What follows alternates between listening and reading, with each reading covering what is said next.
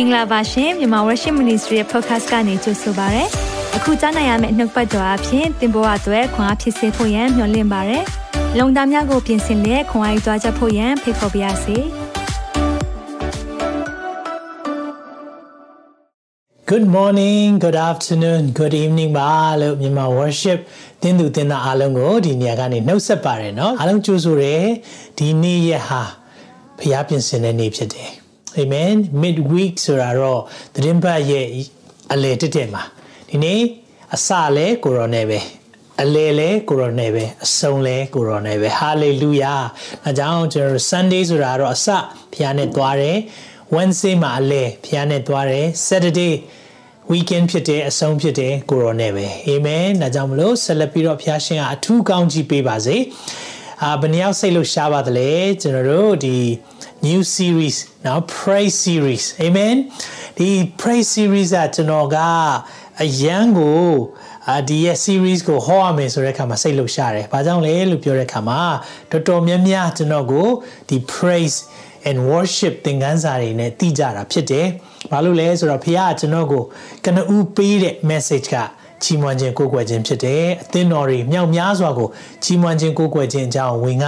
ခဲ့တာဖြစ်တယ်။ဒါကြောင့်မလို့ဒီအရာလေးတွေကျွန်တော်ပြန်လဲစဉ်းစားတိုင်းပြန်လဲပြီးဆင်ခြင်တိုင်းမှာ ကြီးမြတ်တဲ့ဖခင်ကိုမချီးမွမ်းမမနေနိုင်ဘူး။အာမင်။ဒါကြောင့်မလို့ကြီးမြတ်တဲ့ဖခင်ရှင်နာမတော်ဆက်လက်ဘုန်းကြီးပါစေ။အာမင်။ comment တစ်ခုတွေ့တဲ့အခါမှာကျွန်တော်နှလုံးသားအင်မတန်မှဖခင်ကိုကျေးဇူးတင်တဲ့အရာလေးတစ်ခုရှိတယ်။အဲ့ဒါလေးစောပိုင်းလေးမှာကျွန်တော်တွေးလိုက်တယ်။ message တွေ MW ရဲ့ message တွေဟာလူတိုင်းရဲ့နှလုံးသားကိုတိုးထိပါတယ်။ဖခင်ထံ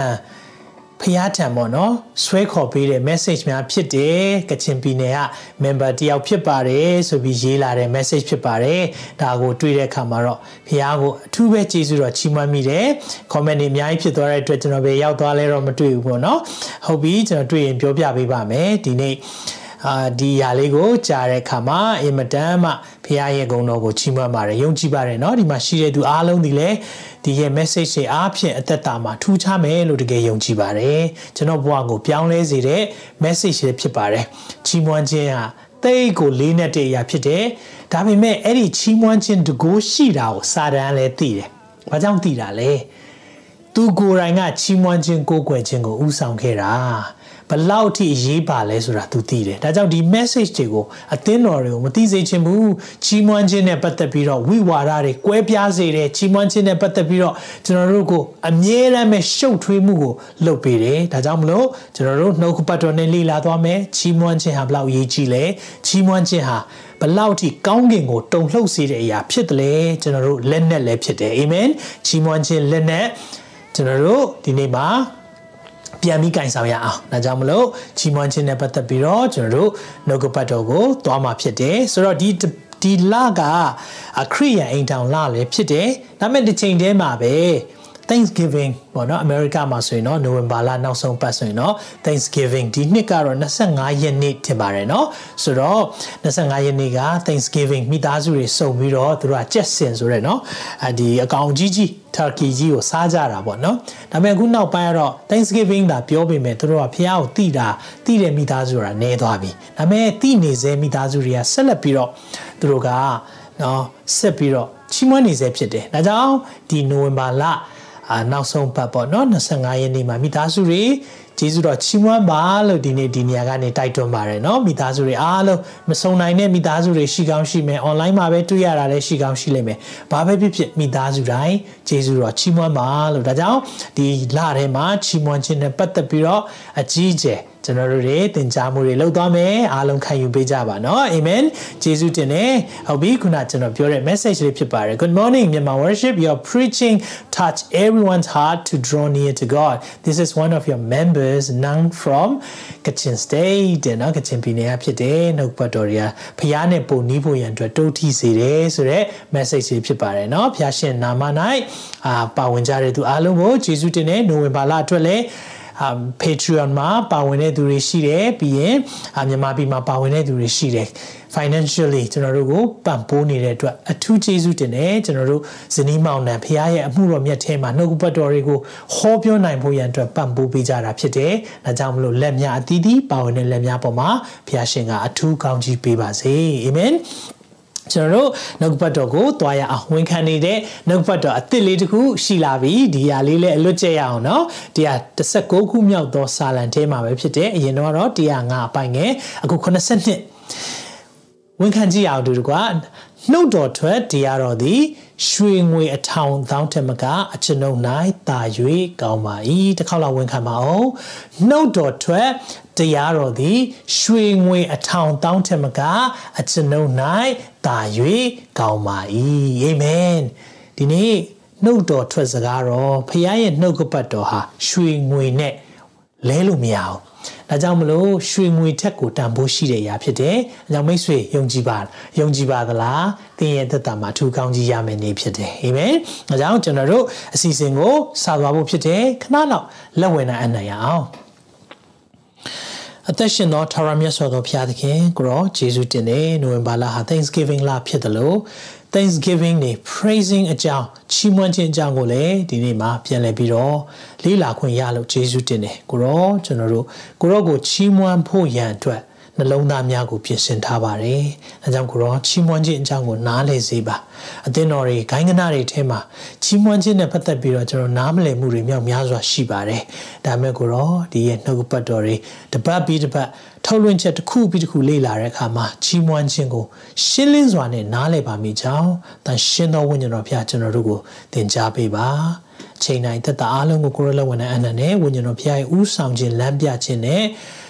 ပို့ဆောင်ခြင်းမဆာခြင်းကိုတရားမှတရားပုံအပ်တယ်ကြိုးဆိုရဲဖိတ်ခေါ်ရဲနေရာပေးတယ်ကိုရောကျွန်တော်တို့ရဲ့နှလုံးသားအသီးသီးမှာကိုရောရဲ့ တန်ဖိုးဖြတ်လို့မရတဲ့နှုတ်တော်ထွက်စကားတော်များရွှေငွေအထောင်တောင်းထက်မကတဲ့အရာနဲ့ကျွန်တော်တို့ကိုကောင်းကြီးပေးပါသခင်ယေရှုရဲ့မြတ်သောနာမ၌စက္ကန့်နဲ့ဆုတောင်းကြပါ၏ဖာအာမင်အာမင်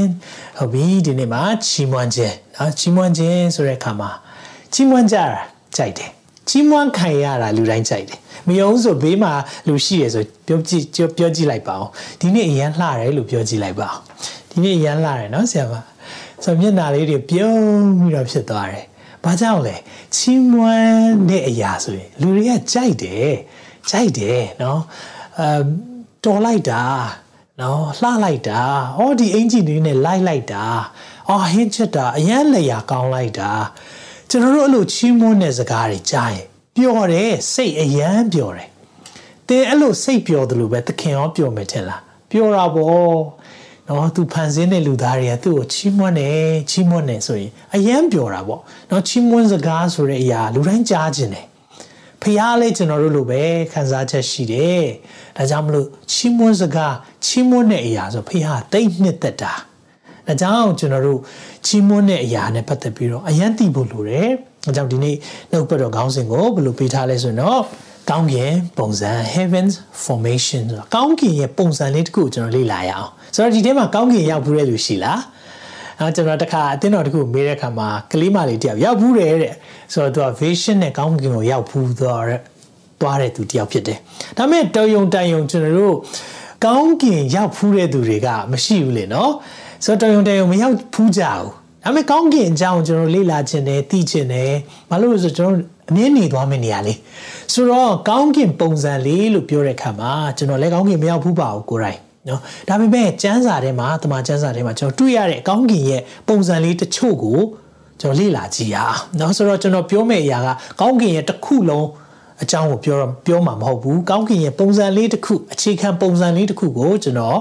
ပြောတော့မှာဖြစ်တယ် နော်ဒါလေးကိုလည်းအရင်ဆုံးပြောပြခြင်းတယ်ဆိုတော့ကောင်းကင်ပုံစံဆိုတော့ချီးမွမ်းခြင်း series ရဲ့အပိုင်းတစ်ဖြစ်တယ်အခြေပြုကျမ်းပိုက်လေးတစ်ခုကိုရွေးထားတယ်အဲ့ဒါပါလဲဆိုတော့ရှင်မသက်ခရစ်ဝင်ကျမ်းခန်းကြီး6ငွေ30မှာဘယ်လိုပြောလဲဆိုတော့နိုင်ငံတော်တည်ထောင်ပါစေသောအလိုတော်သည်ကောင်းကင်ဘုံ၌ပြည်စုံတကယ်သို့မြေကြီးပေါ်မှာပြည်စုံပါစေတော့တဲ့အလိုတော်ဟာကောင်းကင်ဘုံမှာပြည်စုံတယ်လို့ပဲမြေကြီးမှာပြည်စုံပါစေတဲ့ ဆိုဘာကိုပြောချင်တာလဲเนาะဒီအရာလေးတွေအတိတ်ပဲဖွင့်ဆိုချက်တွေအများကြီးရှိလိမ့်မယ်ဒါပေမဲ့ကျွန်တော်ချီးမွမ်းခြင်းနဲ့ပတ်သက်ပြီးတော့ဒီအရာလေးကိုပြောပြခြင်းတယ်ဘာကြောင့်လဲဆိုတော့ကောင်းကင်မှာချီးမွမ်းခြင်းရှိတယ်လို့ပဲမြေကြီးမှာလည်းချီးမွမ်းခြင်းဘုရားကရှိစေခြင်းတယ်အာမင်ပြန်ပြောမယ်နော်ကောင်းကင်မှာချီးမွမ်းခြင်းရှိတယ်လို့ပဲမြေကြီးမှာလည်းချီးမွမ်းခြင်းရှိစေခြင်းတယ်ဒါကြောင့်ဘုရားရဲ့အလိုတော်ဟာကောင်းကင်မှာချီးမွမ်းခြင်းနေရှိတယ်လို့ပဲမြေကြီးမှာလည်းအလိုတော်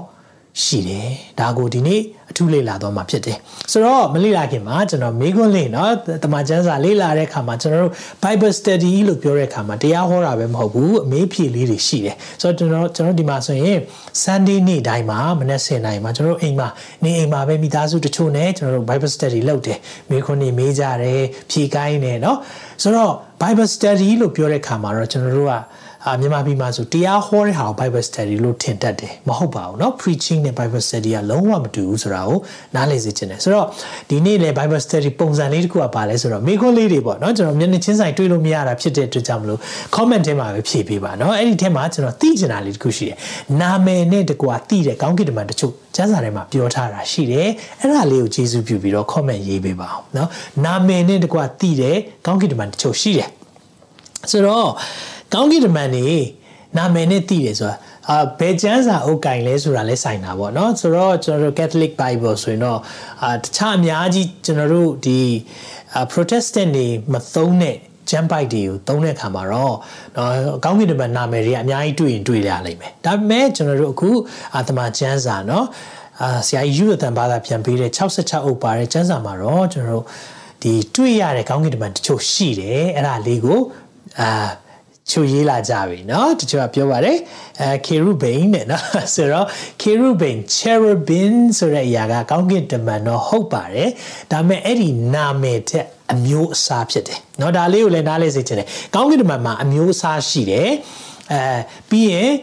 အဲနာမည်ရှိတယ်ဆိုတော့ cherubim ဆိုတာရှိတယ် cherubim နောက် cherubim ဆိုတာရှိတယ် threat ကောင်းကင်တမန်တရက်နော်ကောင်းကင်တမန်တရက်လို့ပြောတဲ့အရာက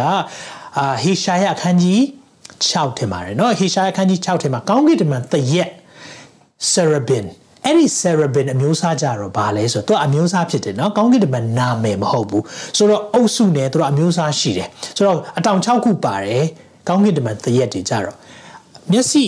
အဲသူတို့မျက်နာကိုအတောင်နှစ်ခုနဲ့ဖုံးတယ်တဲ့ခြေကိုအတောင်နှစ်ခုနဲ့ဖုံးတယ်နောက်အတောင်နှစ်ခုနဲ့ကြတော့ပြန်ပြီးတော့ တန်ရှင်တန်ရှင်တန်ရှင်တဲ့နော် holy holy holy သုံးချိန်ပြောတယ်ခမဲတော်အတွက်တစ်ချိန်ဒါတော့အတွက်တစ်ချိန်တန်ရှင်သောဝိညာဉ်တော်အတွက်တစ်ချိန် holy holy holy ကျမ်းစာထဲမှာနှစ်ချိန်ပြောရဆိုရင်အလေးနဲ့ထားစေခြင်းလို့ပြောတာရှိတယ်ဒါပေမဲ့သုံးချိန်ပြောရဆိုရင်ဖျားနဲ့ဆိုင်တဲ့အရာဖြစ်တယ်ဆိုတော့တန်ရှင်တန်ရှင်တန်ရှင်တန့်ရှင်တန့်ရှင်တန့်ရှင်ဒီအရာကိုပြောတယ်အဲ့ဒါကောင်းကင်တမန်တည့်ရက်ဆိုတော့သူကဖျားနားမှာအနီးကနေခွင့်ရတယ်ကိုးကွယ်ခြင်း ပြုလုပ်တဲ့ကောင်းကင်တမန်တွေဖြစ်တယ်ခေရုဘိန်အမျိုးအစားကြတော့ဗာလဲဆိုတော့ခေရုဘိန်ကြတော့သူကစောင့်ရှောက်တာเนาะမီးဆလန်နဲ့တွေကင်တယ်မီးဓာတ်တွေကင်တယ်သူတို့ကเนาะစောင့်ရှောက်တယ် protect protect လုပ်တဲ့ကောင်းကင်တမန်တွေဖြစ်တယ်ဒါပေမဲ့ကျွန်တော်ဒီနေ့ကျွန်တော်သိကျင်တဲ့ကောင်းကင်တမန်တွေကြတော့နာမည်เนาะဆိုတော့သူတို့က archangel လို့ပြောတယ်ကောင်းကင်တမန်မင်းတွေပေါ့เนาะဆိုတော့ကောင်းကင်တမန်တွေကိုပြန်အုပ်ချုပ်တဲ့အကြီးအကဲတွေဖြစ်တယ်ဆိုတော့ ပြောလာကြပြီအာမိခေလာတဲ့ဟုတ်ပြီလူစီဖာပြောပါတယ်ဂါဘေလာတဲ့မိခေလာနော်ဂါဂေဘရီလာမိုက်ကယ်လူစီဖာနော်ဆိုတော့ဟုတ်ပြီဆိုတော့ပြောလာကြပါတယ် Lucifer, Gabriel, Michael ဟုတ်ပြီဆိုတော့ကောင်းကင်တမန်အဲ့ဒါနာမည်နဲ့တကွကျွန်တော်တို့သိတာเนาะနာမည်နဲ့ဆိုတော့ခြားကောင်းကင်တမန်တွေပေါ်လာတတ်ပါတယ်သာရဖျားကြီးကောင်းကင်တမန်လို့ပြောတဲ့သူလည်းပေါ်လာတယ်အဲ့လိုသုံးနှုံတိုင်းမှာသခင်ယေရှု ဖြစ်တယ်ဆိုတဲ့အရာကိုကြံတက်ပုဂ္ဂိုလ်တော်တော်များများကသဘောတူထားတယ်။နော်ဆိုတော့ထာဝရဖျားကောင်းကင်တမန်ပေါ်လာတယ်ဆိုဘာကြောင့်လဲဆိုတော့အဲ့ထာဝရဖျားကောင်းကင်တမန်ပေါ်ပေါ်လာတိုင်းမှာကိုးကွယ်ခြင်းလုပ်ရင်လက်ခံတယ်။ဒါပေမဲ့တခြားကောင်းကင်တမန်တွေကြတော့လက်မခံအောင်ကိုးကွယ်လို့မရအောင်ဆိုတော့ငါလည်းမင်းလိုပဲအစေခံပဲဖြစ်တယ်နော်လို့ပေတျုလည်းပြောတယ်။ဆိုတော့ဒီအရာတွေကိုကျွန်တော်နားလည်တာဟုတ်ပြီကောင်းကင်တမန်အမျိုးအစားတွေသိပြီကောင်းကင်တမန်ကိုနာမည်နဲ့သိတယ်ဆိုတော့နာမည်နဲ့သိပြီဂါဘေလာ ရှိတယ်နောက်ပြီးရင်လူစီဖာရှိတယ်မိုက်ကယ်ရှိတယ်ဟုတ်ပြီသိကြတယ်ဆိုတော့နောက်မေးခွန်းတစ်ခုလေးနောက်ထပ်မေးခြင်းတယ်အဲ့ဒါဘာလဲဆိုတော့သူတို့ဘာလုပ်လုပ်ကြလဲဆိုတော့လူစီဖာကဘာလုပ်လုပ်လဲနော်နောက်ပြီးရင်အာမိုက်ကယ်မိခေလာကဘာလုပ်လုပ်လဲပြီးရင်ဂါဘေလကတော့ဘာလုပ်လုပ်လဲဆိုတော့သူတို့မှလုပ်ငန်းမတူကြဘူးအကြီးကဲတွေတော့ဖြစ်တယ်လုပ်ငန်းမတူကဏ္ဍမတူဆိုတော့သူတို့ရဲ့ကဏ္ဍလေးကိုလည်းတစ်ချက်လောက်ပြောပြပေးပါဦး ဟုတ်ပြီတရားရေးလာပါတယ်လူစီဖာကချီမွန်တယ်တဲ့ဟုတ်ပြီချီမွန်ခြင်းကိုလုပ်တဲ့ကောင်းကင်တမန်ဖြစ်တယ်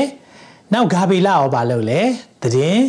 ပြောတဲ့မိခေလာစစ်တိုက်သူတဲ့ဂါဘီလာကတော့သတင်းပို့သူတဲ့ဟုတ်ပြီဂါဘီလာသတင်းကောင်းပြောဆိုတဲ့သူဖြစ်တယ်တဲ့လူစီဖာကချီးမွမ်းတယ်တိုက်ခိုက်ရေးဟုတ်ပြီ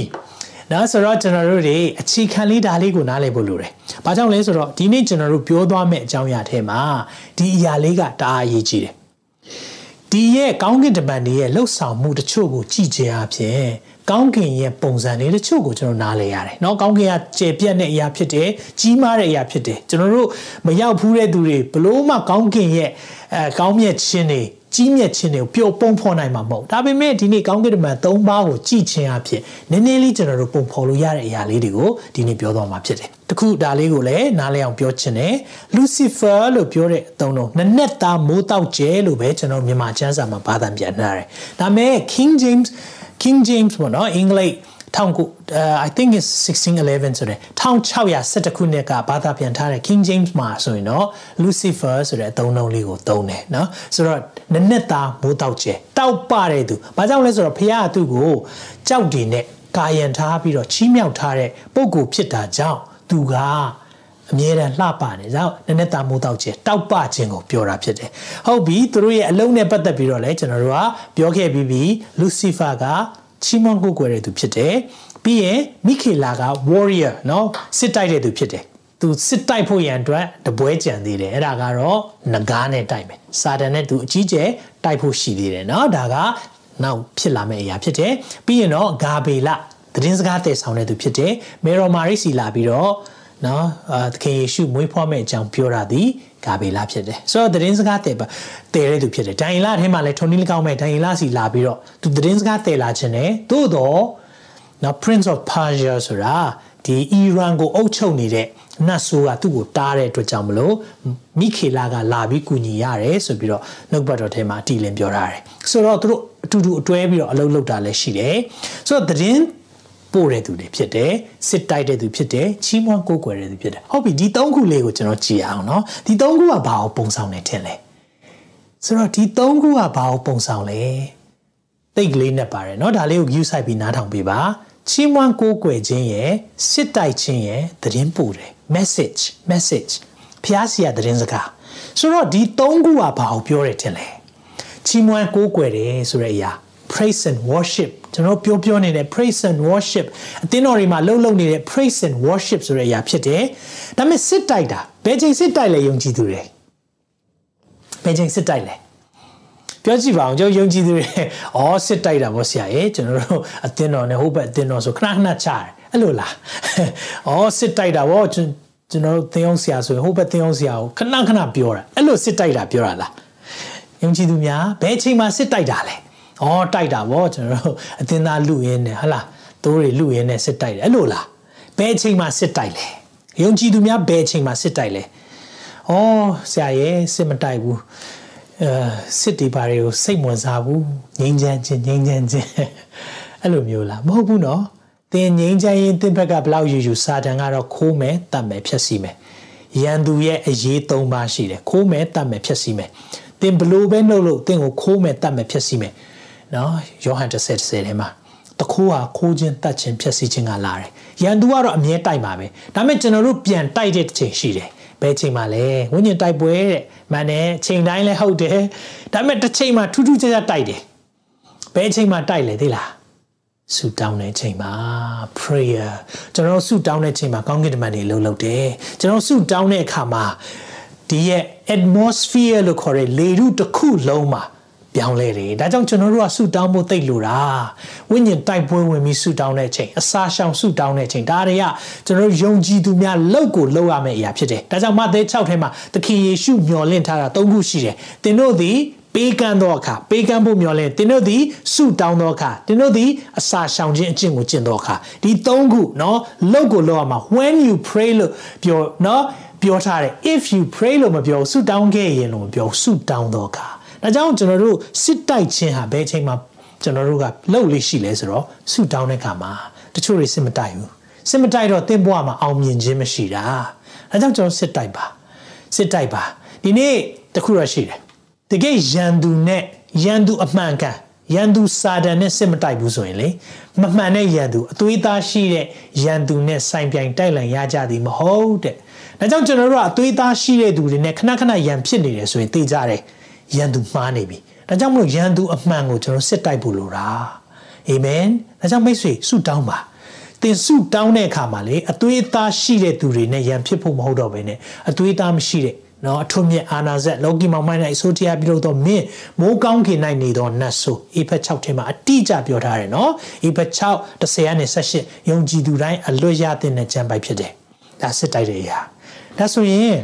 ဂါဘီလာလောက်တာသတင်းပို့တယ်တဲ့ဖျားစီယာ message ကိုယူလာပေးတယ်တနည်းအားဖြင့်ဘာကိုပုံဆောင်လဲ preaching เนาะကျွန်တော်တို့အခုလိုနှုတ်ပတ်တော်တွေကြားနာတဲ့အရာတွေဖះစီကကြားတဲ့ message တွေဖះပြောခိုင်းတဲ့အရာတွေအသင်းတော်တွေကိုတိဆောက်တဲ့အရာတွေ ਨੇ ပြောနေတဲ့အခါမှာဒါသည်ပါလေသတင်းစကားအခုဒီနေ့သတင်းစကားအကောင်းဆုံးဒါကြောင့် gospel ဆိုတာ good news အကောင်းဆုံးသတင်းပဲသတင်းကောင်းပဲအဲကြောင့်ကျွန်တော်သတင်းကောင်းတွေကို ကြားပြောဖို့လိုတာဒါကြောင့်ဒီရဲ့အဲကောင်းကင်တမန်၃ပါးကိုပြန်ကြည့်မယ်နော်ပြန်ကြည့်မယ်နော်ဒါကြောင့်မလို့ Lucifer ချီးမွမ်းကိုးကွယ်တယ် praising ချီးမွမ်းတယ်မိခေလာစစ်တိုက်တယ် praying ကိုပုံဆောင်တယ်ဆိုတော့ဂါဘေလာဟာသတင်းပို့တယ်နော် the word of god ဖခင်ရဲ့သတင်းစကားကိုသယ်ဆောင်လာတယ် preaching ကိုပုံဆောင်တယ်ဒါကြောင့်ဒီ၃ပါးကိုကြည့်တဲ့အခါမှာ၃ခုလုံးကျွန်တော်တို့လုပ်လို့ရှိတယ် ဘာလုပ်လဲ praising praying and preaching the word of god ပေါ့နော်အခုလိုမျိုးနှုတ်ပတ်တော်နားဆင်တဲ့အရာတွေဝိပုကိုးကွယ်ခြင်းတစ်ခုမှာအဲ့ဒီ၃ခုမပါမဖြစ်ပါတယ်ဟုတ်တယ်နော်ကျွန်တော် Sunday အခုဆိုရင်တော့ Zoom နေဖြစ်ကုန်ကြပြီအရင်တော့ဆိုရင်တော့ကျွန်တော်မျက်နှာချင်းဆိုင်တွေ့တဲ့နေရာတွေမှာအသင်းတော်တွေမှာကျွန်တော်ဖျားเจ้าတွေမှာသွားရင်၃ခုမလုံမဖြစ်လောက်တာရှိတယ်ချီးမွမ်းခြင်းလုပ်တယ်ပြီးရင်ဆုတောင်းခြင်းလုပ်တယ်နော်ပြီးရင် ဖခင်ရဲ့နှုတ်ကပတ်တော်ခံယူတယ်ဟုတ်တယ်နော်ဒီ၃ခုကအရေးကြီးတဲ့စိတ်ပိုင်း၃ခုဒါကြောင့်မလို့အလိုတော်ဟာကောင်းကင်ဘုံမှာပြည့်စုံတယ်လို့ပဲညီကြီးမှာပြည့်စုံမှုဘုရားလိုတော်ရှိတယ်အာမင်ဒါကြောင့်ကျွန်တော်ကောင်းကင်မှာဒီ၃ခုရှိတယ်ဆိုရင်ညီကြီးမှာရှိဖို့လို့လားလိုတယ်လိုလို့ကျွန်တော်တို့ကိုဘုရားကဒါလေးကိုကျွန်တော်တို့လှုပ်စေချင်တာဒါပေမဲ့ကျွန်တော်တို့ချီးမွမ်းခြင်းနဲ့ပတ်သက်ပြီးတော့ဝိဝါဒကွဲပြားတယ်ချီးမွမ်းခြင်းနဲ့ပတ်သက်ပြီးကျွန်တော်အမြဲတမ်း တယောက်နဲ့တယောက်သဘောမတူနိုင်ဘာလို့လဲဆိုတော့တချို့ကချီးမွမ်းတော်တော့ကြိုက်တယ်ဆရာဒါပေမဲ့ဆူဆူညံ့ညံ့နေမကြိုက်เนาะဒါဒါကလည်း point ရှိပါတယ်နားလည်နိုင်တဲ့အရာဖြစ်တယ်ဒါပေမဲ့တချို့ကြလည်းချီးမွမ်းတယ်ဆိုတာเนาะဒါကဂိုင်းကနနဲ့ဆိုင်တာမဟုတ်လားဆရာဒီ Pentecostal တွေ AG တွေကတော့ဒီလိုဝုံတိုင်းဝုံတိုင်းချီးမွမ်းပေမဲ့ကျမတို့ကတော့ hymn ပဲကြိုက်တယ်နော်ဆိုတော့ ကျွန်တော်တို့ကချီးမွမ်းတဲ့အရာကိုဘာနဲ့တွားပြီးတော့ပုံဖော်လိုက်လဲဆိုရင် style ပေါ့လုံနေတဲ့ပုံစံလေးတစ်ခုနဲ့ပုံဖော်လိုက်တယ်ဆိုတော့တစ်ဖက်ကလည်း hey နင်တို့ကချီးမွမ်းတာမဟုတ်ဘူးနော်တဲ့ him ဆိုရဲဆိုတာချီးမွမ်းတာမဟုတ်တကယ်တော့ him ဆိုတဲ့အဓိပ္ပာယ်ကိုကချီးမွမ်းခြင်းတဲ့ him နော်ကျွန်တော် him တဲ့ချင်းနေဓမ္မတေးဟောင်းနေလို့ပြောတဲ့အရာပေါ့နော်ဘာသာပြန်ထားတာဒါပေမဲ့ him ဆိုတဲ့အဓိပ္ပာယ်က praise ချီးမွမ်းတာဒါကြောင့် silent ကျမ်း150က ကျွန်တော်တို့ကဖတ်တယ်မလားသာရဖျားဒီငါ့ဤသူထိန်စသဖြင့်ပေါ့အမြင့်ဆုံးသောဖျားဤခွဲခိုင်းရဒါတွေကသူတို့တွေအနေနဲ့ကြာတချင်းနေချီးမွမ်းတာဒီနေ့ချီးမွမ်းခြင်းဟာအတန်ကျဲတယ်။နော်ချီးမွမ်းခြင်းမှာဒီဆိုခြင်းပါတယ်။ဒါကြောင့်ကျွန်တော်တို့ကအသင်းတော်စတဲ့အချိန်မှာနော်ဝိပုကိုးကွယ်ခြင်းစပြီး home server ဖြစ်ဖြစ် zoom meeting ပဲဖြစ်ဖြစ်ဘယ်ဟာပဲဖြစ်ဖြစ်ကျွန်တော်အမြဲတမ်းစပြီးတော့လှုပ်လေးရှိတာ ਨੇ လှုပ်တဲ့အရာပါလဲဆိုတော့ ချီးမွမ်းခြင်းဖြစ်တယ်ဒီနေ့ချီးမွမ်းခြင်းလောက်ကျွန်တော်တို့ကခုနအစမှာပြောတယ်မလားတယောက်နဲ့တယောက်တယောက်ကလှလိုက်တာလို့ပြောအရင်စိတ်ကျေနပ်သွားတယ်ကျွန်တော်လည်းဖះကိုကိုတော်ကောင်းမြတ်လိုက်တာဟာလေလုယာ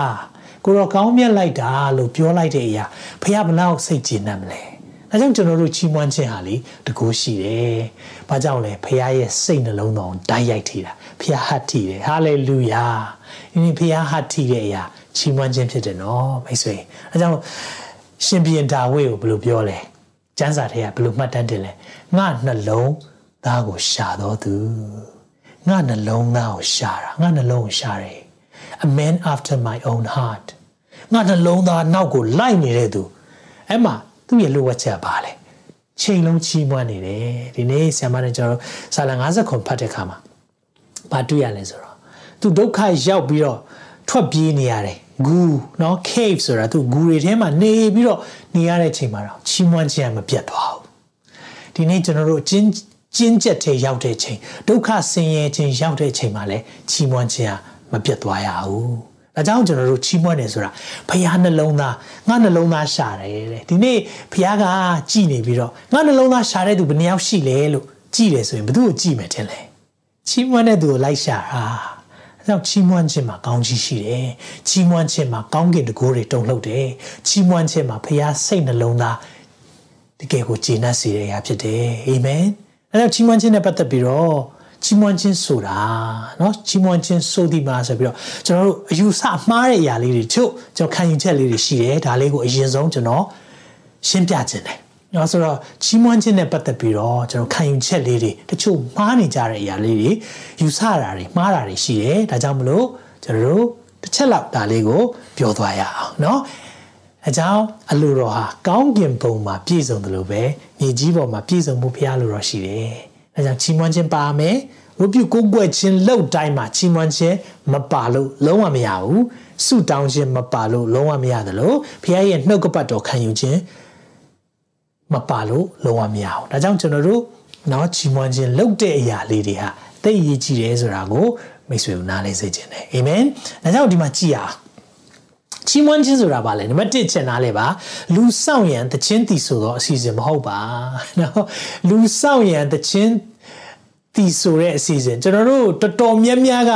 ဒီ praise and worship လုပ်တယ်ဆိုရင်ဘာလို့လဲဆိုတော့အသင်းတော်နော်အသင်းတော်မှာလာပြီးတော့ဝတ်ပြုကူးကွယ်ခြင်းလုပ်တဲ့ခါမှာဆက်ဆခြင်းကျွန်တော်တို့နော်အဖွင့်မှာလုပ်တဲ့အရာလေးကဘာလဲဆိုတော့တခြင်းဆိုပြီလေဆိုတော့တချို့ကလည်းဟာတခြင်းဆိုနေတဲ့ချိန်အေးစေးပါငါတို့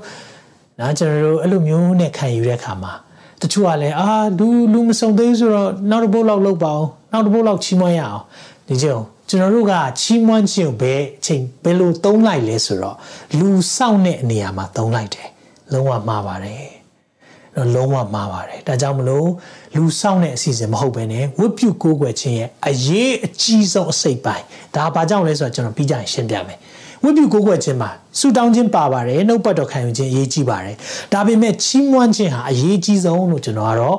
ဒီနေရာမှာပြောခြင်းတယ်ဘာကြောင့်လဲဆိုတဲ့အရာကိုကျွန်တော်ပြီးကြရင်ရှင်းပြမယ် ဆိုတော့ချီးမွမ်းခြင်းလုပ်တယ်ဆိုတာလူဆောင်တာမဟုတ်ဘူးနော်မိတ်ဆွေဒီနေ့အာအသင်းတော်မှာဝိပုကိုးကွယ်ခြင်းရှိလို့သွားတဲ့အခါမှာသွားလိုက်ပြီဆိုပါစို့သွားရင်တန်းလန်းနဲ့နော်ဆိုတော့ကျွန်တော်တို့ကနောက်ကျသွားတယ်ဆိုပါစို့အဲ့လိုဖြစ်တဲ့ခါမှာအာရပါတဲ့ကိစ္စမရှိဘူးသူတို့တချင်းဆိုပြီးစောင့်နေပါလိမ့်မယ်အဲ့ဒီအချိန်ပြီးမှပဲသွားမယ်တချို့ကအဲ့ဒီအချိန်ကိုရှောင်ပြီးသွားတာရှိတယ်နော်မိနစ်20လောက်တော့ကြာအောင်ပါပါပြီးမှပဲငါတို့သွားရအောင်ဟာစောပါသေးတယ်အပြင်မှာခဏလေးအာလူဖုတ်လိုက်အောင်မယ် ဆိုတော့အဲ့လိုမျိုးနေတယ်ဆိုရင်သင်ဟာအကောင်းဆုံးချိန်ကိုလွတ်သွားပြီအကောင်းဆုံးချိန်ကိုလွတ်သွားပြီ။ဒါကြောင့်ဘာကြောင့်လဲဆိုတာပြီးကြရင်ကျွန်တော်ရှင်းပြမယ်နော်။ဟုတ်ပြီနံပါတ်1ချက်ဖျားသခင်နဲ့သက်ဆိုင်သောအရာဖြစ်တယ်။ချီးမွမ်းခြင်းဆိုတာဘာလဲ။လူဆောင်တဲ့အရာမဟုတ်ဘူးနံပါတ်1နံပါတ်2ကဖျားသခင်နဲ့သက်ဆိုင်တာဖျားနဲ့ဓာတ်ရိုက်ဆိုင်တယ်လို့ကျွန်တော်ကတော့သတ်မှတ်ခြင်းတယ်။ ဘာကြောင့်လဲလို့ပြောတဲ့အခါမှာကျွန်တော်ဒီမှာတစ်ချက်ပြခြင်းတယ်နော်။ရှင်လုကာခရစ်ဝင်ကျမ်းခန်းကြီး20အငယ်20မှာသခင်ယေရှုကိုခဏခဏကြောက်ချခြင်းနဲ့ကျန်တဲ့ပုဂ္ဂိုလ်တွေဖာရီရှဲတွေရှိတယ်အဲ့ဒီမှာသူတို့ကအာကြောက်ချတဲ့မိခွန်းလေးတစ်ခုမေးလိုက်တယ်ဘာမေးလဲဆိုတာကို20မှာပြောထားတယ်ကဲတာဘရင်ကိုအခွန်ဆက်တင်သလား tax ပေးရမလားမပေးရဘူးလားကဲဒီထဲမှာ tax ပေးရတာပြောတဲ့လူဘယ်နှယောက်ရှိလဲမရှိဘူးเนาะကျွန်တော်အနောက်နိုင်ငံတွေမှာဆို tax ပေးရတယ်ဆိုအာ ပေးရပြန်ပြီเนาะဆိုတော့စသဖြင့်ကျွန်တော်တို့ကညီးတတ်တယ် tax မပေးကြကြဘူးပေါ့နော်တယုံတယုံဆိုတော့အစိုးရရဲ့အခွန်အကောက်တွေရှိတဲ့အခါမှာကဲတာဘီရင်ဆိုတာနော် Caesar King Caesar ပေးတင်သလားတဲ့ဒီမိကွန်းကြောက်ချတဲ့မိကွန်းမပေးနဲ့လို့ပြောရင်ဘာသွားပြောမလဲသိလားဟေးယေရှုဆိုတဲ့ပုဂ္ဂိုလ်ဟာအခွန်မပေးနဲ့လို့တင်နေတယ်ကြောက်ချတာအကယ်၍ပေးပါလို့ပြောလိုက်တယ်ဆိုရင်လေဘာပြောမလဲသေးလားဩ မင်းကငါတို့ကိုအပြစ်မှကယ်ချွတ်မယ်ဣသရေလကိုလွတ်မြောက်အောင်လုပ်ပေးမယ်ဆိုပြီးလာပြီးတော့မေရှိယဆိုမေရှိယဆိုကယ်တင်ရှင်ဆိုခုကြည့်အောင်တကြိတ်တဲ့ညာနေပဲယောမတွေလက်အောက်ကနေလွတ်ဖို့ဘာမှလည်းမလုပ်ပေးနိုင်ဘူးနှစ်ခုလုံးကကြောက်ချထားတာเนาะဆိုတော့ဒါကလုံးဝအဆင်မပြေတဲ့မိကွန်းဒါမဲ့အဲ့ဒီပရိယေကိုသခင်ကသိတယ်တဲ့သိတဲ့အခါမှာဘာကြောင့်စုံစမ်းတာလဲလို့ပြောပြီးတော့ denary တပြားကိုပြပါတယ်အဲဒီတော့ denary ဆိုတာအကျွေးစီလေးပေါ့နော်အဲ့ဒါလေးကိုပြခိုင်းတယ်ပြတဲ့အခါမှာအဘယ်သူရဲ့ပုံအဘယ်သူရဲ့လိပ်စာပါပါသနည်းတဲ့ဘာပုံပါလဲတဲ့ဘာပါလဲတဲ့မေးတယ်ဘာပုံပါလဲတဲ့ဘာပါလဲလို့မေးလိုက်တဲ့အခါမှာပြန်ပြောကြတယ်ကဲတာဘရင်ရဲ့ပုံကဲတာဘရင်ရဲ့လိပ်စာပါတယ်ကဲတာဘရင်ရဲ့ပုံကဲတာဘရင်ရဲ့လိပ်စာပါတယ် ဟုတ်ကဲ့ဒီပုံနဲ့ဒီလိပ်စာပါတယ်ဆိုရင်အဲ့ဒီမှာသခင်ပြောလိုက်တဲ့အရာလေးသိအရေးကြီးတယ်เนาะဒါလေးကိုဂျေစုပြေအာယုံစိုက်ပေးပါကိုရောကကဲသာဘရင်ရဲ့ဥစ္စာကိုကဲသာဘရင်အားဆက်ပေးကြလော့ကဲသာဘရင်နဲ့ဆိုင်တဲ့အရာကဲသာကိုပေးပါတဲ့ဖျားသခင်ဤဥစ္စာကိုကဖျားသခင်အားဆက်ပေးကြလော့ဖျားနဲ့ဆိုင်တဲ့အရာဖျားကိုပေးပါတဲ့အဲ့လိုပြောလိုက်တဲ့အခါမှာဘာမှပြောစရာမရှိတော့သူစကားအာသွားတယ် ဘာလို့ပြောချင်တာလဲကျွန်တော်ဒီဒီရဲ့အရာကိုတော်တော်လေးဖျားစီမှာအဖြေတောင်းရတယ်ကိုတော့ဘာလို့ဆိုလိုတာလဲခဲတာနဲ့ဆိုင်တဲ့အရာခဲတာကိုပေးပါဖျားနဲ့ဆိုင်တဲ့အရာဖျားကိုပေးပါဒီရက်မှာဖျားစကားပြောတယ်နော်မနေ့ထားတော့မှန်အောင်ကြည့်လိုက်တဲ့အခါမှာဟာဖျားပန်စင်ထားတဲ့သူလေဆိုတော့ကြည့်တော့ဟာဒါကစဉ်းစားလာတယ်ဖျားအဲ့ဒီချိန်မှာနှုတ်ကပတ်တော်ဖြေပေးတယ်နော် ဘသူပုံလဲမင်းဟာဘသူရဲ့ပုံလဲဘသူပုံလဲစဉ်းစားတဲ့အခါမှာကိုရောကိုရောရဲ့ပုံတံ in your image ဖျားရဲ့ပုံဖျားရဲ့ကိုနော်ဖျားရဲ့ပုံတံနဲ့အညီဖန်ဆင်းထားတဲ့သူမဟုတ်ဘူးလားလို့ဝိညာဉ်တော်ပြောတဲ့အခါမှာနားလည်သွားတယ်ဒီနေ့ကျွန်တော်တို့ရုပ်ကျွန်တော်တို့ရှိနေတဲ့အရာကဘယ်သူနဲ့ဆိုင်လဲ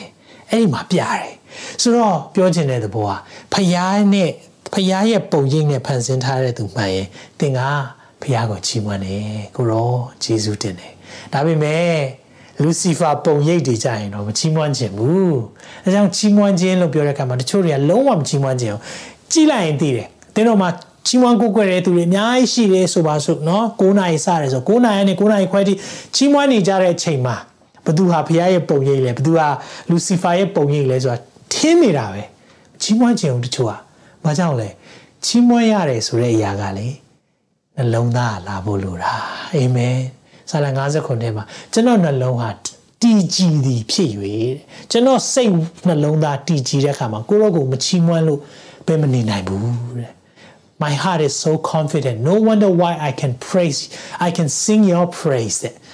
ဒါဝင်မင်းကြီးကလို့ပြောတာ။ဒါကြောင့်နှလုံးသားနဲ့တအားဆိုင်တယ်။ အကြောင်းဒီနေ့လူတစ်ယောက်ကိုချီးမွမ်းရတယ်ဆိုတာလွယ်တော့မလွယ်ဘူးနော်။ကိုယ့်ထက်တာတယ်လို့ပြောရတာလေနော်။ဟာနေငါထက်အရေးချင်းရှိတဲ့သူပဲ။ပြောရတာလုံးဝမလွယ်ဘူးနော်။ဟေးနေငါထက်ချောတယ်နော်။နေငါထက်လှတယ်နော်။နေငါထက်တော်တယ်နော်။ပြောရတာမလွယ်ဘူး။ဒါပေမဲ့နှလုံးသားရဲ့တကယ်ချီးမွမ်းခြင်းစိတ်ရှိပြီဆိုပြောထွက်လာတယ်ဟာသိတော်လိုက်တာထုံနေ၎င်းပဲဖခင်ရဲ့ပုံရိပ်ဖြစ်တဲ့အခါမှာဖခင်ကိုပေးလာတယ် အာမင်ဒါကြောင့်ကျွန်တော်ဒီဟာလေးကိုနားလဲစေချင်တယ်ဒါကြောင့်ချီးမွမ်းခြင်းဆိုတာဂိုင်းကနာနဲ့လုံးဝလုံးဝမဆိုင်ဘူးသင်ဟာဖခင်ရဲ့ပုံရိပ်ဖြစ်တယ်မှန်တယ်ဆိုရင်ဖះကိုပေးလိုက်ပါဂိုင်းကနာနဲ့လုံးဝမဆိုင်ဘူးเนาะ။အော်ငါတို့ဂိုင်းကမချီးမွမ်းဘူး။လောက်ဂီတာမတီးနဲ့နှလုံးသားတွေကပဲချီးမွမ်းမယ်တဲ့။သွားပြီပေါ့။ဒါဆိုရင်ကျမ်းစာထဲမှာပြောထားတဲ့တူရိယာတွေကိုတီးပါပတ်တာတွေကိုတီးပါเนาะ ကျိုးဆယ်ပင်တတ်တဲ့တူရိယာတွေချီတီးပြီးဖះကိုချီးမွမ်းပါဆိုတဲ့ကျမ်းပိုက်တွေအားလုံးကိုဖယ်ထားပြီးတော့ငါတို့ကနှလုံးသားနဲ့ပဲချီးမွမ်းမယ်တဲ့အဲ့လိုချီးမွမ်းတဲ့အခါမှာဆရာကြီးကဒီလိုမျိုးတိုင်ပင်ရိုက်တာကိုတွေ့တော့သူ့တပည့်တရားကိုမေးလိုက်တယ်ဆရာနှလုံးသားနဲ့ချီးမွမ်းနေဆိုဘာလို့တိုင်ပင်ရိုက်တာလဲလို့ပြောတော့မင်းရှာမရှိနဲ့လို့ပြောတယ်ဆိုတော့ကျွန်တော်တို့ကတခါလေကြတော့ချီးမွမ်းခြင်းဆိုတာနှလုံးသားနဲ့ပဲလုပ်လို့မရဘူးလားနှလုံးသားနဲ့ပဲလုပ်လို့မရဘူးလား နှလုံးသားကလာဖို့တာသိရေးကြည့်ပါတယ်ဒါပေမဲ့เนาะဒူရိယာတွေเนาะဒဇာပလာတွေပါတဲ့အခါမှာပို့ပြီးချီးမွမ်းရတာ အရသာရှိတာပေါ့ဒါကြောင့်မလို့တမန်ကျမ်းစာကျွန်တော်တို့ကိုဒီလိုမျိုးချီးမွမ်းဖို့ရန်အတွက်ပြောထားတာဒါကြောင့်ဂိုင်းကနနဲ့လုံးဝမဆိုင်ဘူးသင်နှစ်ချင်းဖြစ်တယ်သင် Presbyterian ဖြစ်တယ်သင် Roman Catholic ဖြစ်တယ် Pentecostal ဖြစ်တယ်ဘသူပဲဖြစ်နေပါစေသင်ဟာဖခင်ရဲ့ပုံရိပ်နဲ့ဆိုင်တယ်ဆိုဖခင်ကိုပေးလိုက်ပါ Hallelujah ဒါကြောင့်ဝန်ခံရအောင်ကျွန်ုပ်ဟာဖခင်နဲ့သက်ဆိုင်တော်သူဖြစ်တယ်လို့ဝန်ခံပါအောင်ကျွန်ုပ်ဟာဖခင်နဲ့သက်ဆိုင်တော်သူဖြစ်တယ်ဒါကြောင့်ကျွန်ုပ် ချီးမွမ်းခြင်းဖခင်ကိုပေးပါတယ်အာမင်ကျွန်ုပ်ရဲ့ချီးမွမ်းခြင်းကိုရောကိုပေးပါတယ်ကိုရောနဲ့ပဲဆိုင်တာဒါကိုနားလေစေခြင်းနဲ့တော့မိတ်ဆွေဒါကြောင့်မလို့ချီးမွမ်းခြင်းဆိုတာလူဆောင်ပြီးတခြင်းဆိုရတဲ့အရာမဟုတ်ဘူးချီးမွမ်းခြင်းဆိုတာဖျားနဲ့သက်ဆိုင်တဲ့အရာဖြစ်တယ်ချီးမွမ်းခြင်းဆိုတာဂိုင်းကနာနဲ့လုံးဝဒါကြောင့်ကျွန်တော်လုံးဝတော့နှစ်ခါရေးထားတယ်လုံးဝလုံးဝမသက်ဆိုင်ဘူးနော်ဂိုင်းကနာနဲ့သက်ဆိုင်တဲ့အရာမဟုတ်ဘူး ငါတို့ကမချီးမွမ်းဘူးကွာငါတို့ကနော် focus ပဲမဟုတ်လို့မချီးမွမ်းဘူးမဟုတ်ဘူးမိတ်ဆွေဒီနေ့ချီးမွမ်းခြင်းဆိုတာဖျားနဲ့ပဲဆိုင်တယ်ဒီနေ့ဂိုင်းကနာနဲ့လုံးဝမဆိုင်ဘူးချီးမွမ်းတဲ့ပုံစံမတူကောင်းမတူလိမ့်မယ်သို့တော့ချီးမွမ်းခြင်းမလုပ်တာတော့မဖြစ်ပါစေနဲ့အာမင်ချီးမွမ်းခြင်းပုံစံမတူကောင်းမတူတာဖြစ်ပါလိမ့်မယ်ချီးမွမ်းခြင်းမလုပ်တာတော့လုံးဝမဖြစ်ပါစေနဲ့မိတ်ဆွေအဲကြောင့်တင်းတင်းတော်မှာချီးမွမ်းခြင်းလိုတယ် အာမင်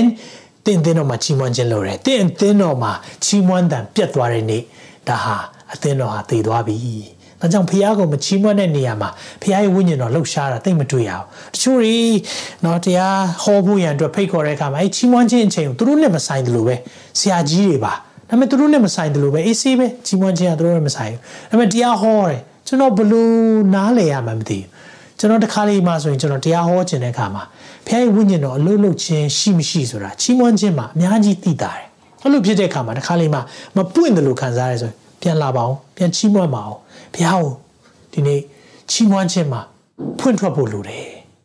atmosphere ဆိုရယ်လေထုကြီးတစ်ခုလုံးချိန်သွားဖို့လိုတယ်အဲ့ဒီချိန်ကြမှာသတင်းစကားတွေဟာ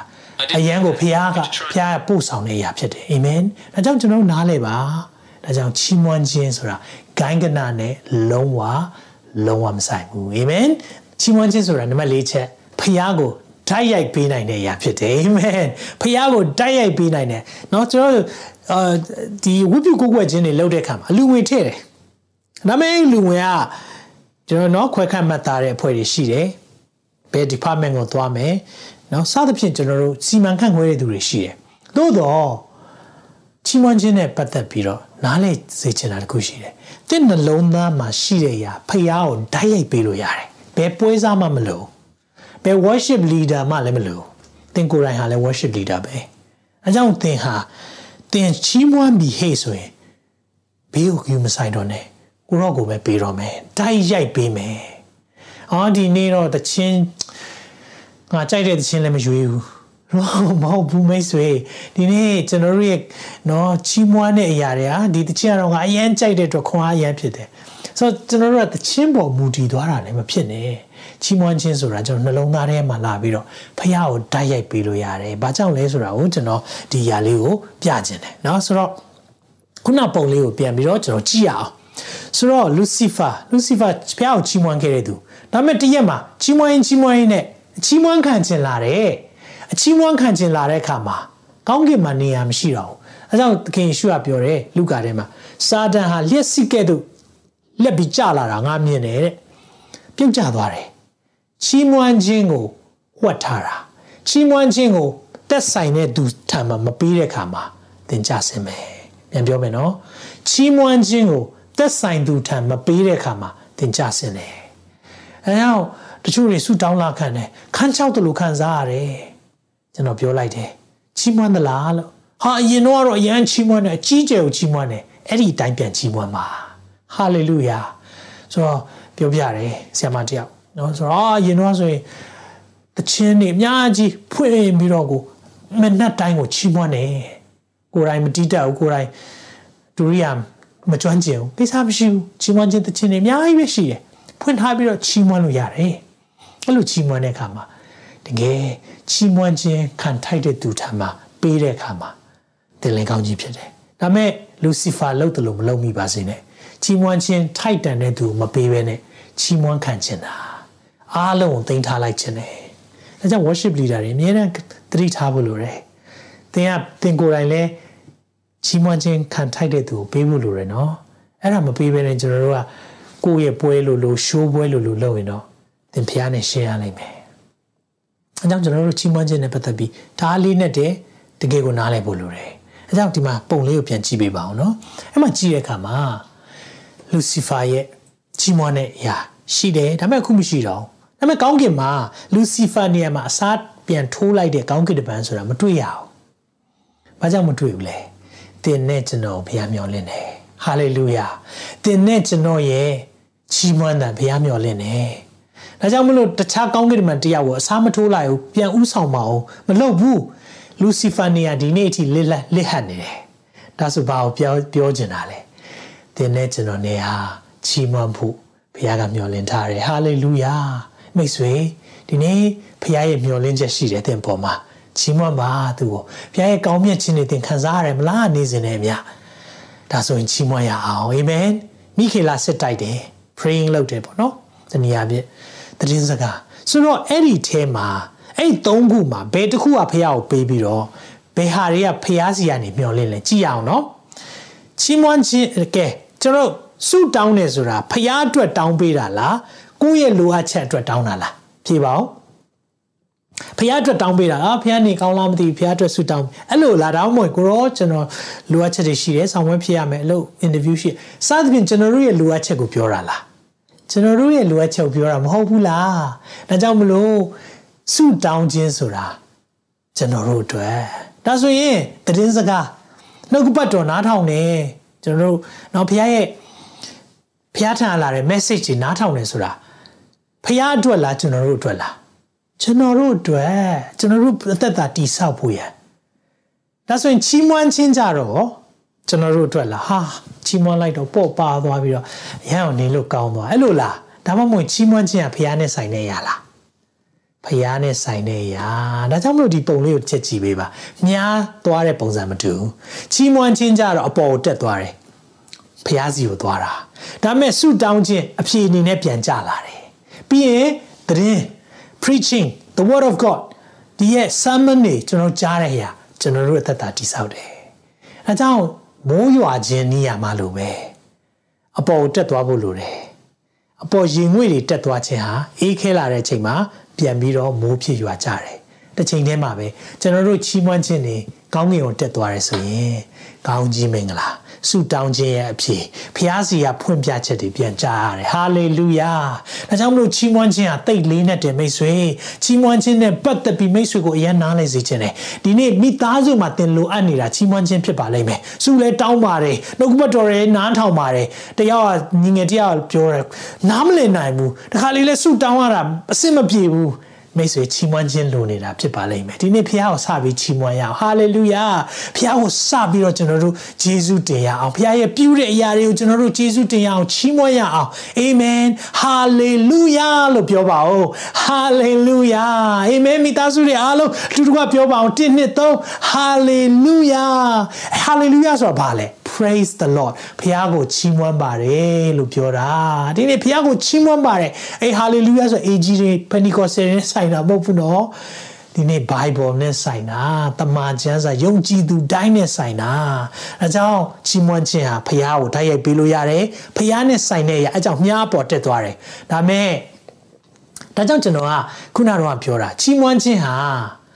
ဝိပုကိုးကွယ်ခြင်းအရေးကြီးဆုံးလို့ဘာလို့ပြောတာလဲဆုတောင်းခြင်းဆိုတာလည်းကျွန်တော်တို့အတွက်ပဲနှုတ်ကပတ်တော်ခံယူခြင်းဆိုတာလည်းကျွန်တော်တို့အတွက်ပဲဒါပေမဲ့ဖះကိုပေးလိုက်တဲ့အရာတစ်ခုပဲရှိတယ်အဲ့ဒါပါလေ ချီးမွမ်းကိုးကွယ်ခြင်းအဲကြောင့်ကျွန်တော်တို့ praise and worship အချိန်ကိုလွတ်အောင်သွားတာတယ်မလုပ်ပါနဲ့ဖះကိုချီးမွမ်းပါသင်မကြိုက်ကောင်းမကြိုက်မသင်ရဲ့ပုံစံမတူကောင်းမတူပဲဒီခတ်တဲ့သူတွေတီဆိုတဲ့သူတွေအစင်မပြေကောင်းမပြေတာဖြစ်ပါလိမ့်မယ်ဒါပေမဲ့သင်ရဲ့ချီးမွမ်းခြင်းကိုတော့မချုပ်တီးလိုက်ပါနဲ့ဟာလေလုယာအဲသင်ရဲ့ချီးမွမ်းခြင်းကိုလွတ်ထုတ်ပါလို့เนาะနောက်ဆုံးချက်ချီးမွမ်းခြင်းဆိုတာဘာလဲအသက်ရှိသောသူများအတွက်သာဖြစ်တယ်အသက်ရှင်တဲ့သူတွေအတွက်ပဲ လူသေးတွေမချီးမွမ်းဘူးဒါကြောင့်ချီးမွမ်းဟာဒီမှာဟောရှာနာဖြစ်စေတည်းလို့ချီးမွမ်းတယ်သခင်ယေရှုယေရုရှလင်မြို့ကိုဝင်တဲ့အခါမှာကလေးတွေကလည်းချီးမွမ်းတယ်အရွက်တွေနော်ခင်းပေးကြတယ်ချီးမွမ်းတယ်ဟောရှာနာဖြစ်စေတည်းတန်လွင်ခက်နေမှာအဲ့လိုပြောတဲ့အခါမှာဟေးပြောဟိုမှာလူတွေချီးမွမ်းနေတယ်ဖះပါပြောလဲမင်းတို့မချီးမွမ်းရင်ကြောက်ခဲတွေချီးမွမ်းလိုက်မယ်နော်တဲ့ဒီနေ့ကျွန်တော်တို့ကြောက်ခဲတွေချီးမွမ်းတဲ့အချိန်ဒီမဆောင်ရအောင်လေ ကြောက်ခဲတွေချီးမွမ်းနေဆိုရင်တော့ကျွန်တော်တို့အတွက်ကတော့တိတ်မဟုတ်တော့ဘူး။ဘာကြောင့်လဲအသက်ရှိတော်သူအပေါင်းသာရဖျားကိုချီးမွမ်းကြစေ150ခုမြောက်သောစာလံစာလံကျမ်းကိုဒါလေးနဲ့အဆုံးသတ်ထားတယ်အသက်ရှိတော်သူအပေါင်းတို့သည်သာရဖျားကိုချီးမွမ်းကြစေဟာလေလုယာအတူတကွရွတ်ဆိုကြအောင်တင်းနှစ်သုံးအသက်ရှိတော်သူအပေါင်းတို့သည်သာရဖျားကိုချီးမွမ်းကြစေဟာလေလုယာအာမင်အာမင်ဖ ဟာလေလုယာဒီနေ့နှုတ်ကပတ်တော်ဟာသင်ထံရောက်လာပြီသင်မိသားစုနဲ့သင်ရဲ့ပတ်ဝန်းကျင်မှာလိုအပ်တာသင်အသင်းတော်မှာလိုအပ်တာချီးမွမ်းခြင်းဖြစ်ပါလိမ့်မယ်ဂိုင်းကနာနဲ့လုံးဝမဆိုင်ကျွန်တော်ဒီကြောင်းနဲ့အများကြီးလေ့လာသွားမယ်ချီးမွမ်းခြင်းကြဲကြဲကိုကျွန်တော်တို့ချီးမွမ်းခြင်းတစ်ခုတည်းနဲ့ပတ်သက်ပြီးတော့ကျွန်တော်တို့အပိုင်းတွေအများကြီးသွားအောင်မယ်နားလည်စေခြင်းနဲ့အလိုတော်ဟာကောင်းကင်ဘုံမှာပြည့်စုံသူလိုပဲမြေကြီးပေါ်မှာလည်းရှိစေခြင်းနဲ့ဒါကြောင့် ယေရှုကိုချီးမြှောက်ပါတယ်သခင်ယေရှုကိုချီးမြှောက်ပါတယ်နာမတကာထက်မြတ်တဲ့နာမသခင်ယေရှုဘုန်းကြီးပါစေအာမင်သခင်ယေရှုဘုန်းကြီးပါစေလို့အားလုံးလက်မြောက်ပြီးတော့တစ်ချိန်လောက်ချီးမွမ်းကြည့်ပါဦးသခင်ယေရှုဘုန်းကြီးပါစေအဲ့ဒါချီးမွမ်းတာဖြစ်တယ်သခင်ယေရှုနာမတော့ကဘာဆက်ဆက်ဘုန်းကြီးရဲ့မင်္ဂလာရှိပါစေလို့ပြောပါဦးသခင်ယေရှုရဲ့နာမတော့ကဘာဆက်ဆက်ဘုန်းကြီးရဲ့မင်္ဂလာရှိပါစေချီးမွမ်းတာ အဲ့ဒီချီးမွမ်းခြင်းလုပ်တဲ့သူအားလုံးပေါ်မှာသင်ရဲ့ဆုတောင်းချက်တွေမိုးဖြစ်အပြည့်ပြန်လာမယ်သင်ထံမှာဖခင်ရဲ့ဖွင့်ပြချက်တွေရောက်လာမယ်အာမင်သရှင်တော်ဖခင်နာမတော်ကိုချီးမွမ်းပါတယ်ဒီနေ့ကောင်းကင်ရဲ့ပုံစံအားလုံးကိုကျွန်တော်တို့မသိပေမဲ့ကိုရောအစိတ်ပိုင်းလေးတစ်ခုကိုနားလည်ခွင့်ရလို့ယေရှုတင်တယ်ကောင်းကင်မှာလူစီဖာနေရာမှာကိုရောတခြားကောင်းကင်တွေမှာအစားမထိုးတာကျွန်တော်တို့ရဲ့ချီးမွမ်းခြင်းကိုကိုရောမျှော်လင့်တာဖြစ်တယ် အကြောင်းကိုရောရဲ့မျှော်လင့်ထားတဲ့အတိုင်းချီးမွမ်းနိုင်ပါမိကြောင်းကျွန်တော်တို့နှလုံးသားမှာတည်ကြည်တဲ့အရာ confidence ရှိဖို့ကိုရောပေါ်မှာ confidence ရှိဖို့မာစားပါကိုရောမချီးမွမ်းနိုင်တဲ့အခြေအနေတွေအများကြီးနိုင်ငံမှာစီးပွားရေးနိုင်ငံရေးလူမှုရေးဖက်ဖက်ကချွတ်ချုံကြနေတဲ့အချိန်ဖြစ်ပေမဲ့ကိုရောကိုရောနှလုံးသားကိုရှာဖို့ဒီနေ့မှာနှုတ်ကပတ်တော်ရောက်လာပြီဖြစ်လို့ယေရှုတင်တယ်ကိုရောကျွန်တော်တို့ရဲ့ချီးမွမ်းတဲ့မြမပြည်မှာအခြေအနေတွေအမျိုးမျိုးရှိပေမဲ့ ကိုရောရဲ့ကောင်းမြတ်ခြင်းမပြောင်းလဲလို့ယေရှုတင်တယ်ကိုရောဟာပလင်ပေါ်မှာစိုးစံစေဖြစ်လို့ယေရှုတင်တယ်အဲကြောင့်ကိုရောရဲ့ကောင်းမြတ်ခြင်းပေါ်မှာပဲချီးမွမ်းပါမယ်နံဝိညာဉ်နဲ့တစ္ဆာနဲ့ကိုးကွယ်ပါမယ်ကိုရောအဲကြောင့်တယောက်ချင်းစီတိုင်းနှလုံးသားသီးသီးကိုကောင်းချီးပေးတယ်အသက်တာမှာမချီးမွမ်းနိုင်ခဲ့တဲ့အရာတွေအားလုံးကိုဒီနေ့မှာ garment of heaviness လေးလံတဲ့ဝိယုံကို garment of praise နဲ့လဲပေးပါတယ်ချီးမွမ်းခြင်းဝတ်လုံတွေပြန်ပြီးတော့ဆင်ပေးပါတယ်ဒါကြောင့်ကိုရောဒီနေ့နှုတ်ပတ်တော်ခံယူတဲ့သားသမီးများလေးလံနေတဲ့အရာများဇာဇာတိနဲ့ဇာတိဆန်နေတဲ့အရာများလောကီဆန်နေတဲ့အရာများမှာဆိုင်ပြီးဒီနေ့မချီးမွမ်းနိုင်အောင်လေးလံနေတဲ့အရာအလုံးကိုယေရှုနာမ၌ဖယ်ပါတယ်ခုချိန်မှာကိုရော anointing တက်ရောက်ပါစေကိုရောရဲ့ဗိသိက်ခြင်းနဲ့ချီးမွမ်းတော်သူများဖြစ်စေဖို့ရန်အတွက်ဝိညာဉ်တော်ဘုရားဆက်လက်မဆာပါအလိုတော်သည် ကောင်းကင်ဘုံမှာပြည့်စုံခဲ့သောမြေကြီးပေါ်မှာလည်းချီးမွမ်းခြင်းရှိဖို့ရန်အတွက်မဆာပါကောင်းမြတ်တဲ့သခင်သခင်ယေရှုနာမကိုချီးမွမ်းရင်းနဲ့တာတော်မြတ်ယေရှုနာမ၌ဆုတောင်းစက္ကန့်အနံ့ကြပါ၏ဖာ အာမင်အာမင်အာမင်ရောက်စီတိုင်းဖျားရှင်ကဆက်လက်၍ချီးမွမ်းနိုင်ရတဲ့အခွင့်ပေးပါစေနော်ကျွန်တော်ကောင်းချီးပေးခြင်းနဲ့ဆုံးသက်ရအောင်ထာဝရဖျားသည်တင်ကိုကောင်းချီးပေး၍ဆောင်မတော်မူပါစေသောထာဝရဖျားသည်တင်၌မျက်နာတော်အလင်းကိုလွှတ်၍ယူနာကျေးဇူးပြုတော်မူပါစေသောထာဝရဖျားသည်တင်ကိုမျှော်ကြည့်၍ချမ်းသာပေးတော်မူပါစေသောလူတွေရဲ့ကြံစည်မမိနိုင်တဲ့ဖျားငြိမ်သက်ခြင်းဝမ်းမြောက်ခြင်းပျော်ရွှင်ခြင်းများငွေကြေးနဲ့ဝယ်ယူလို့မရတဲ့ဖျားရဲ့ကောင်းချီးများတင်တဲ့တင်မိသားစုပေါ်မှာတက်ရောက်ပါစေနောက်ထုတ်လွှင့်ချက်မှာပြန်လည်ဆုံတွေ့ပါအောင်မယ် God bless you all တင်ခုလိုနာဆင်ခွန်အားနိုင်ခြင်းဟာမြန်မာ Worship Ministry ကိုလာဆင်ပန်ပိုးနေကြတဲ့ Kingdom Partners များအကြောင်းဖြစ်ပါတယ်။ဖျားခင်နိုင်ငံတော်ကျယ်ပြန့်ရေးအတွက်လာဆင်ပေးကမ်းပောင်းဖို့ရန်ဖိတ်ခေါ်လိုပါတယ်ရှင်။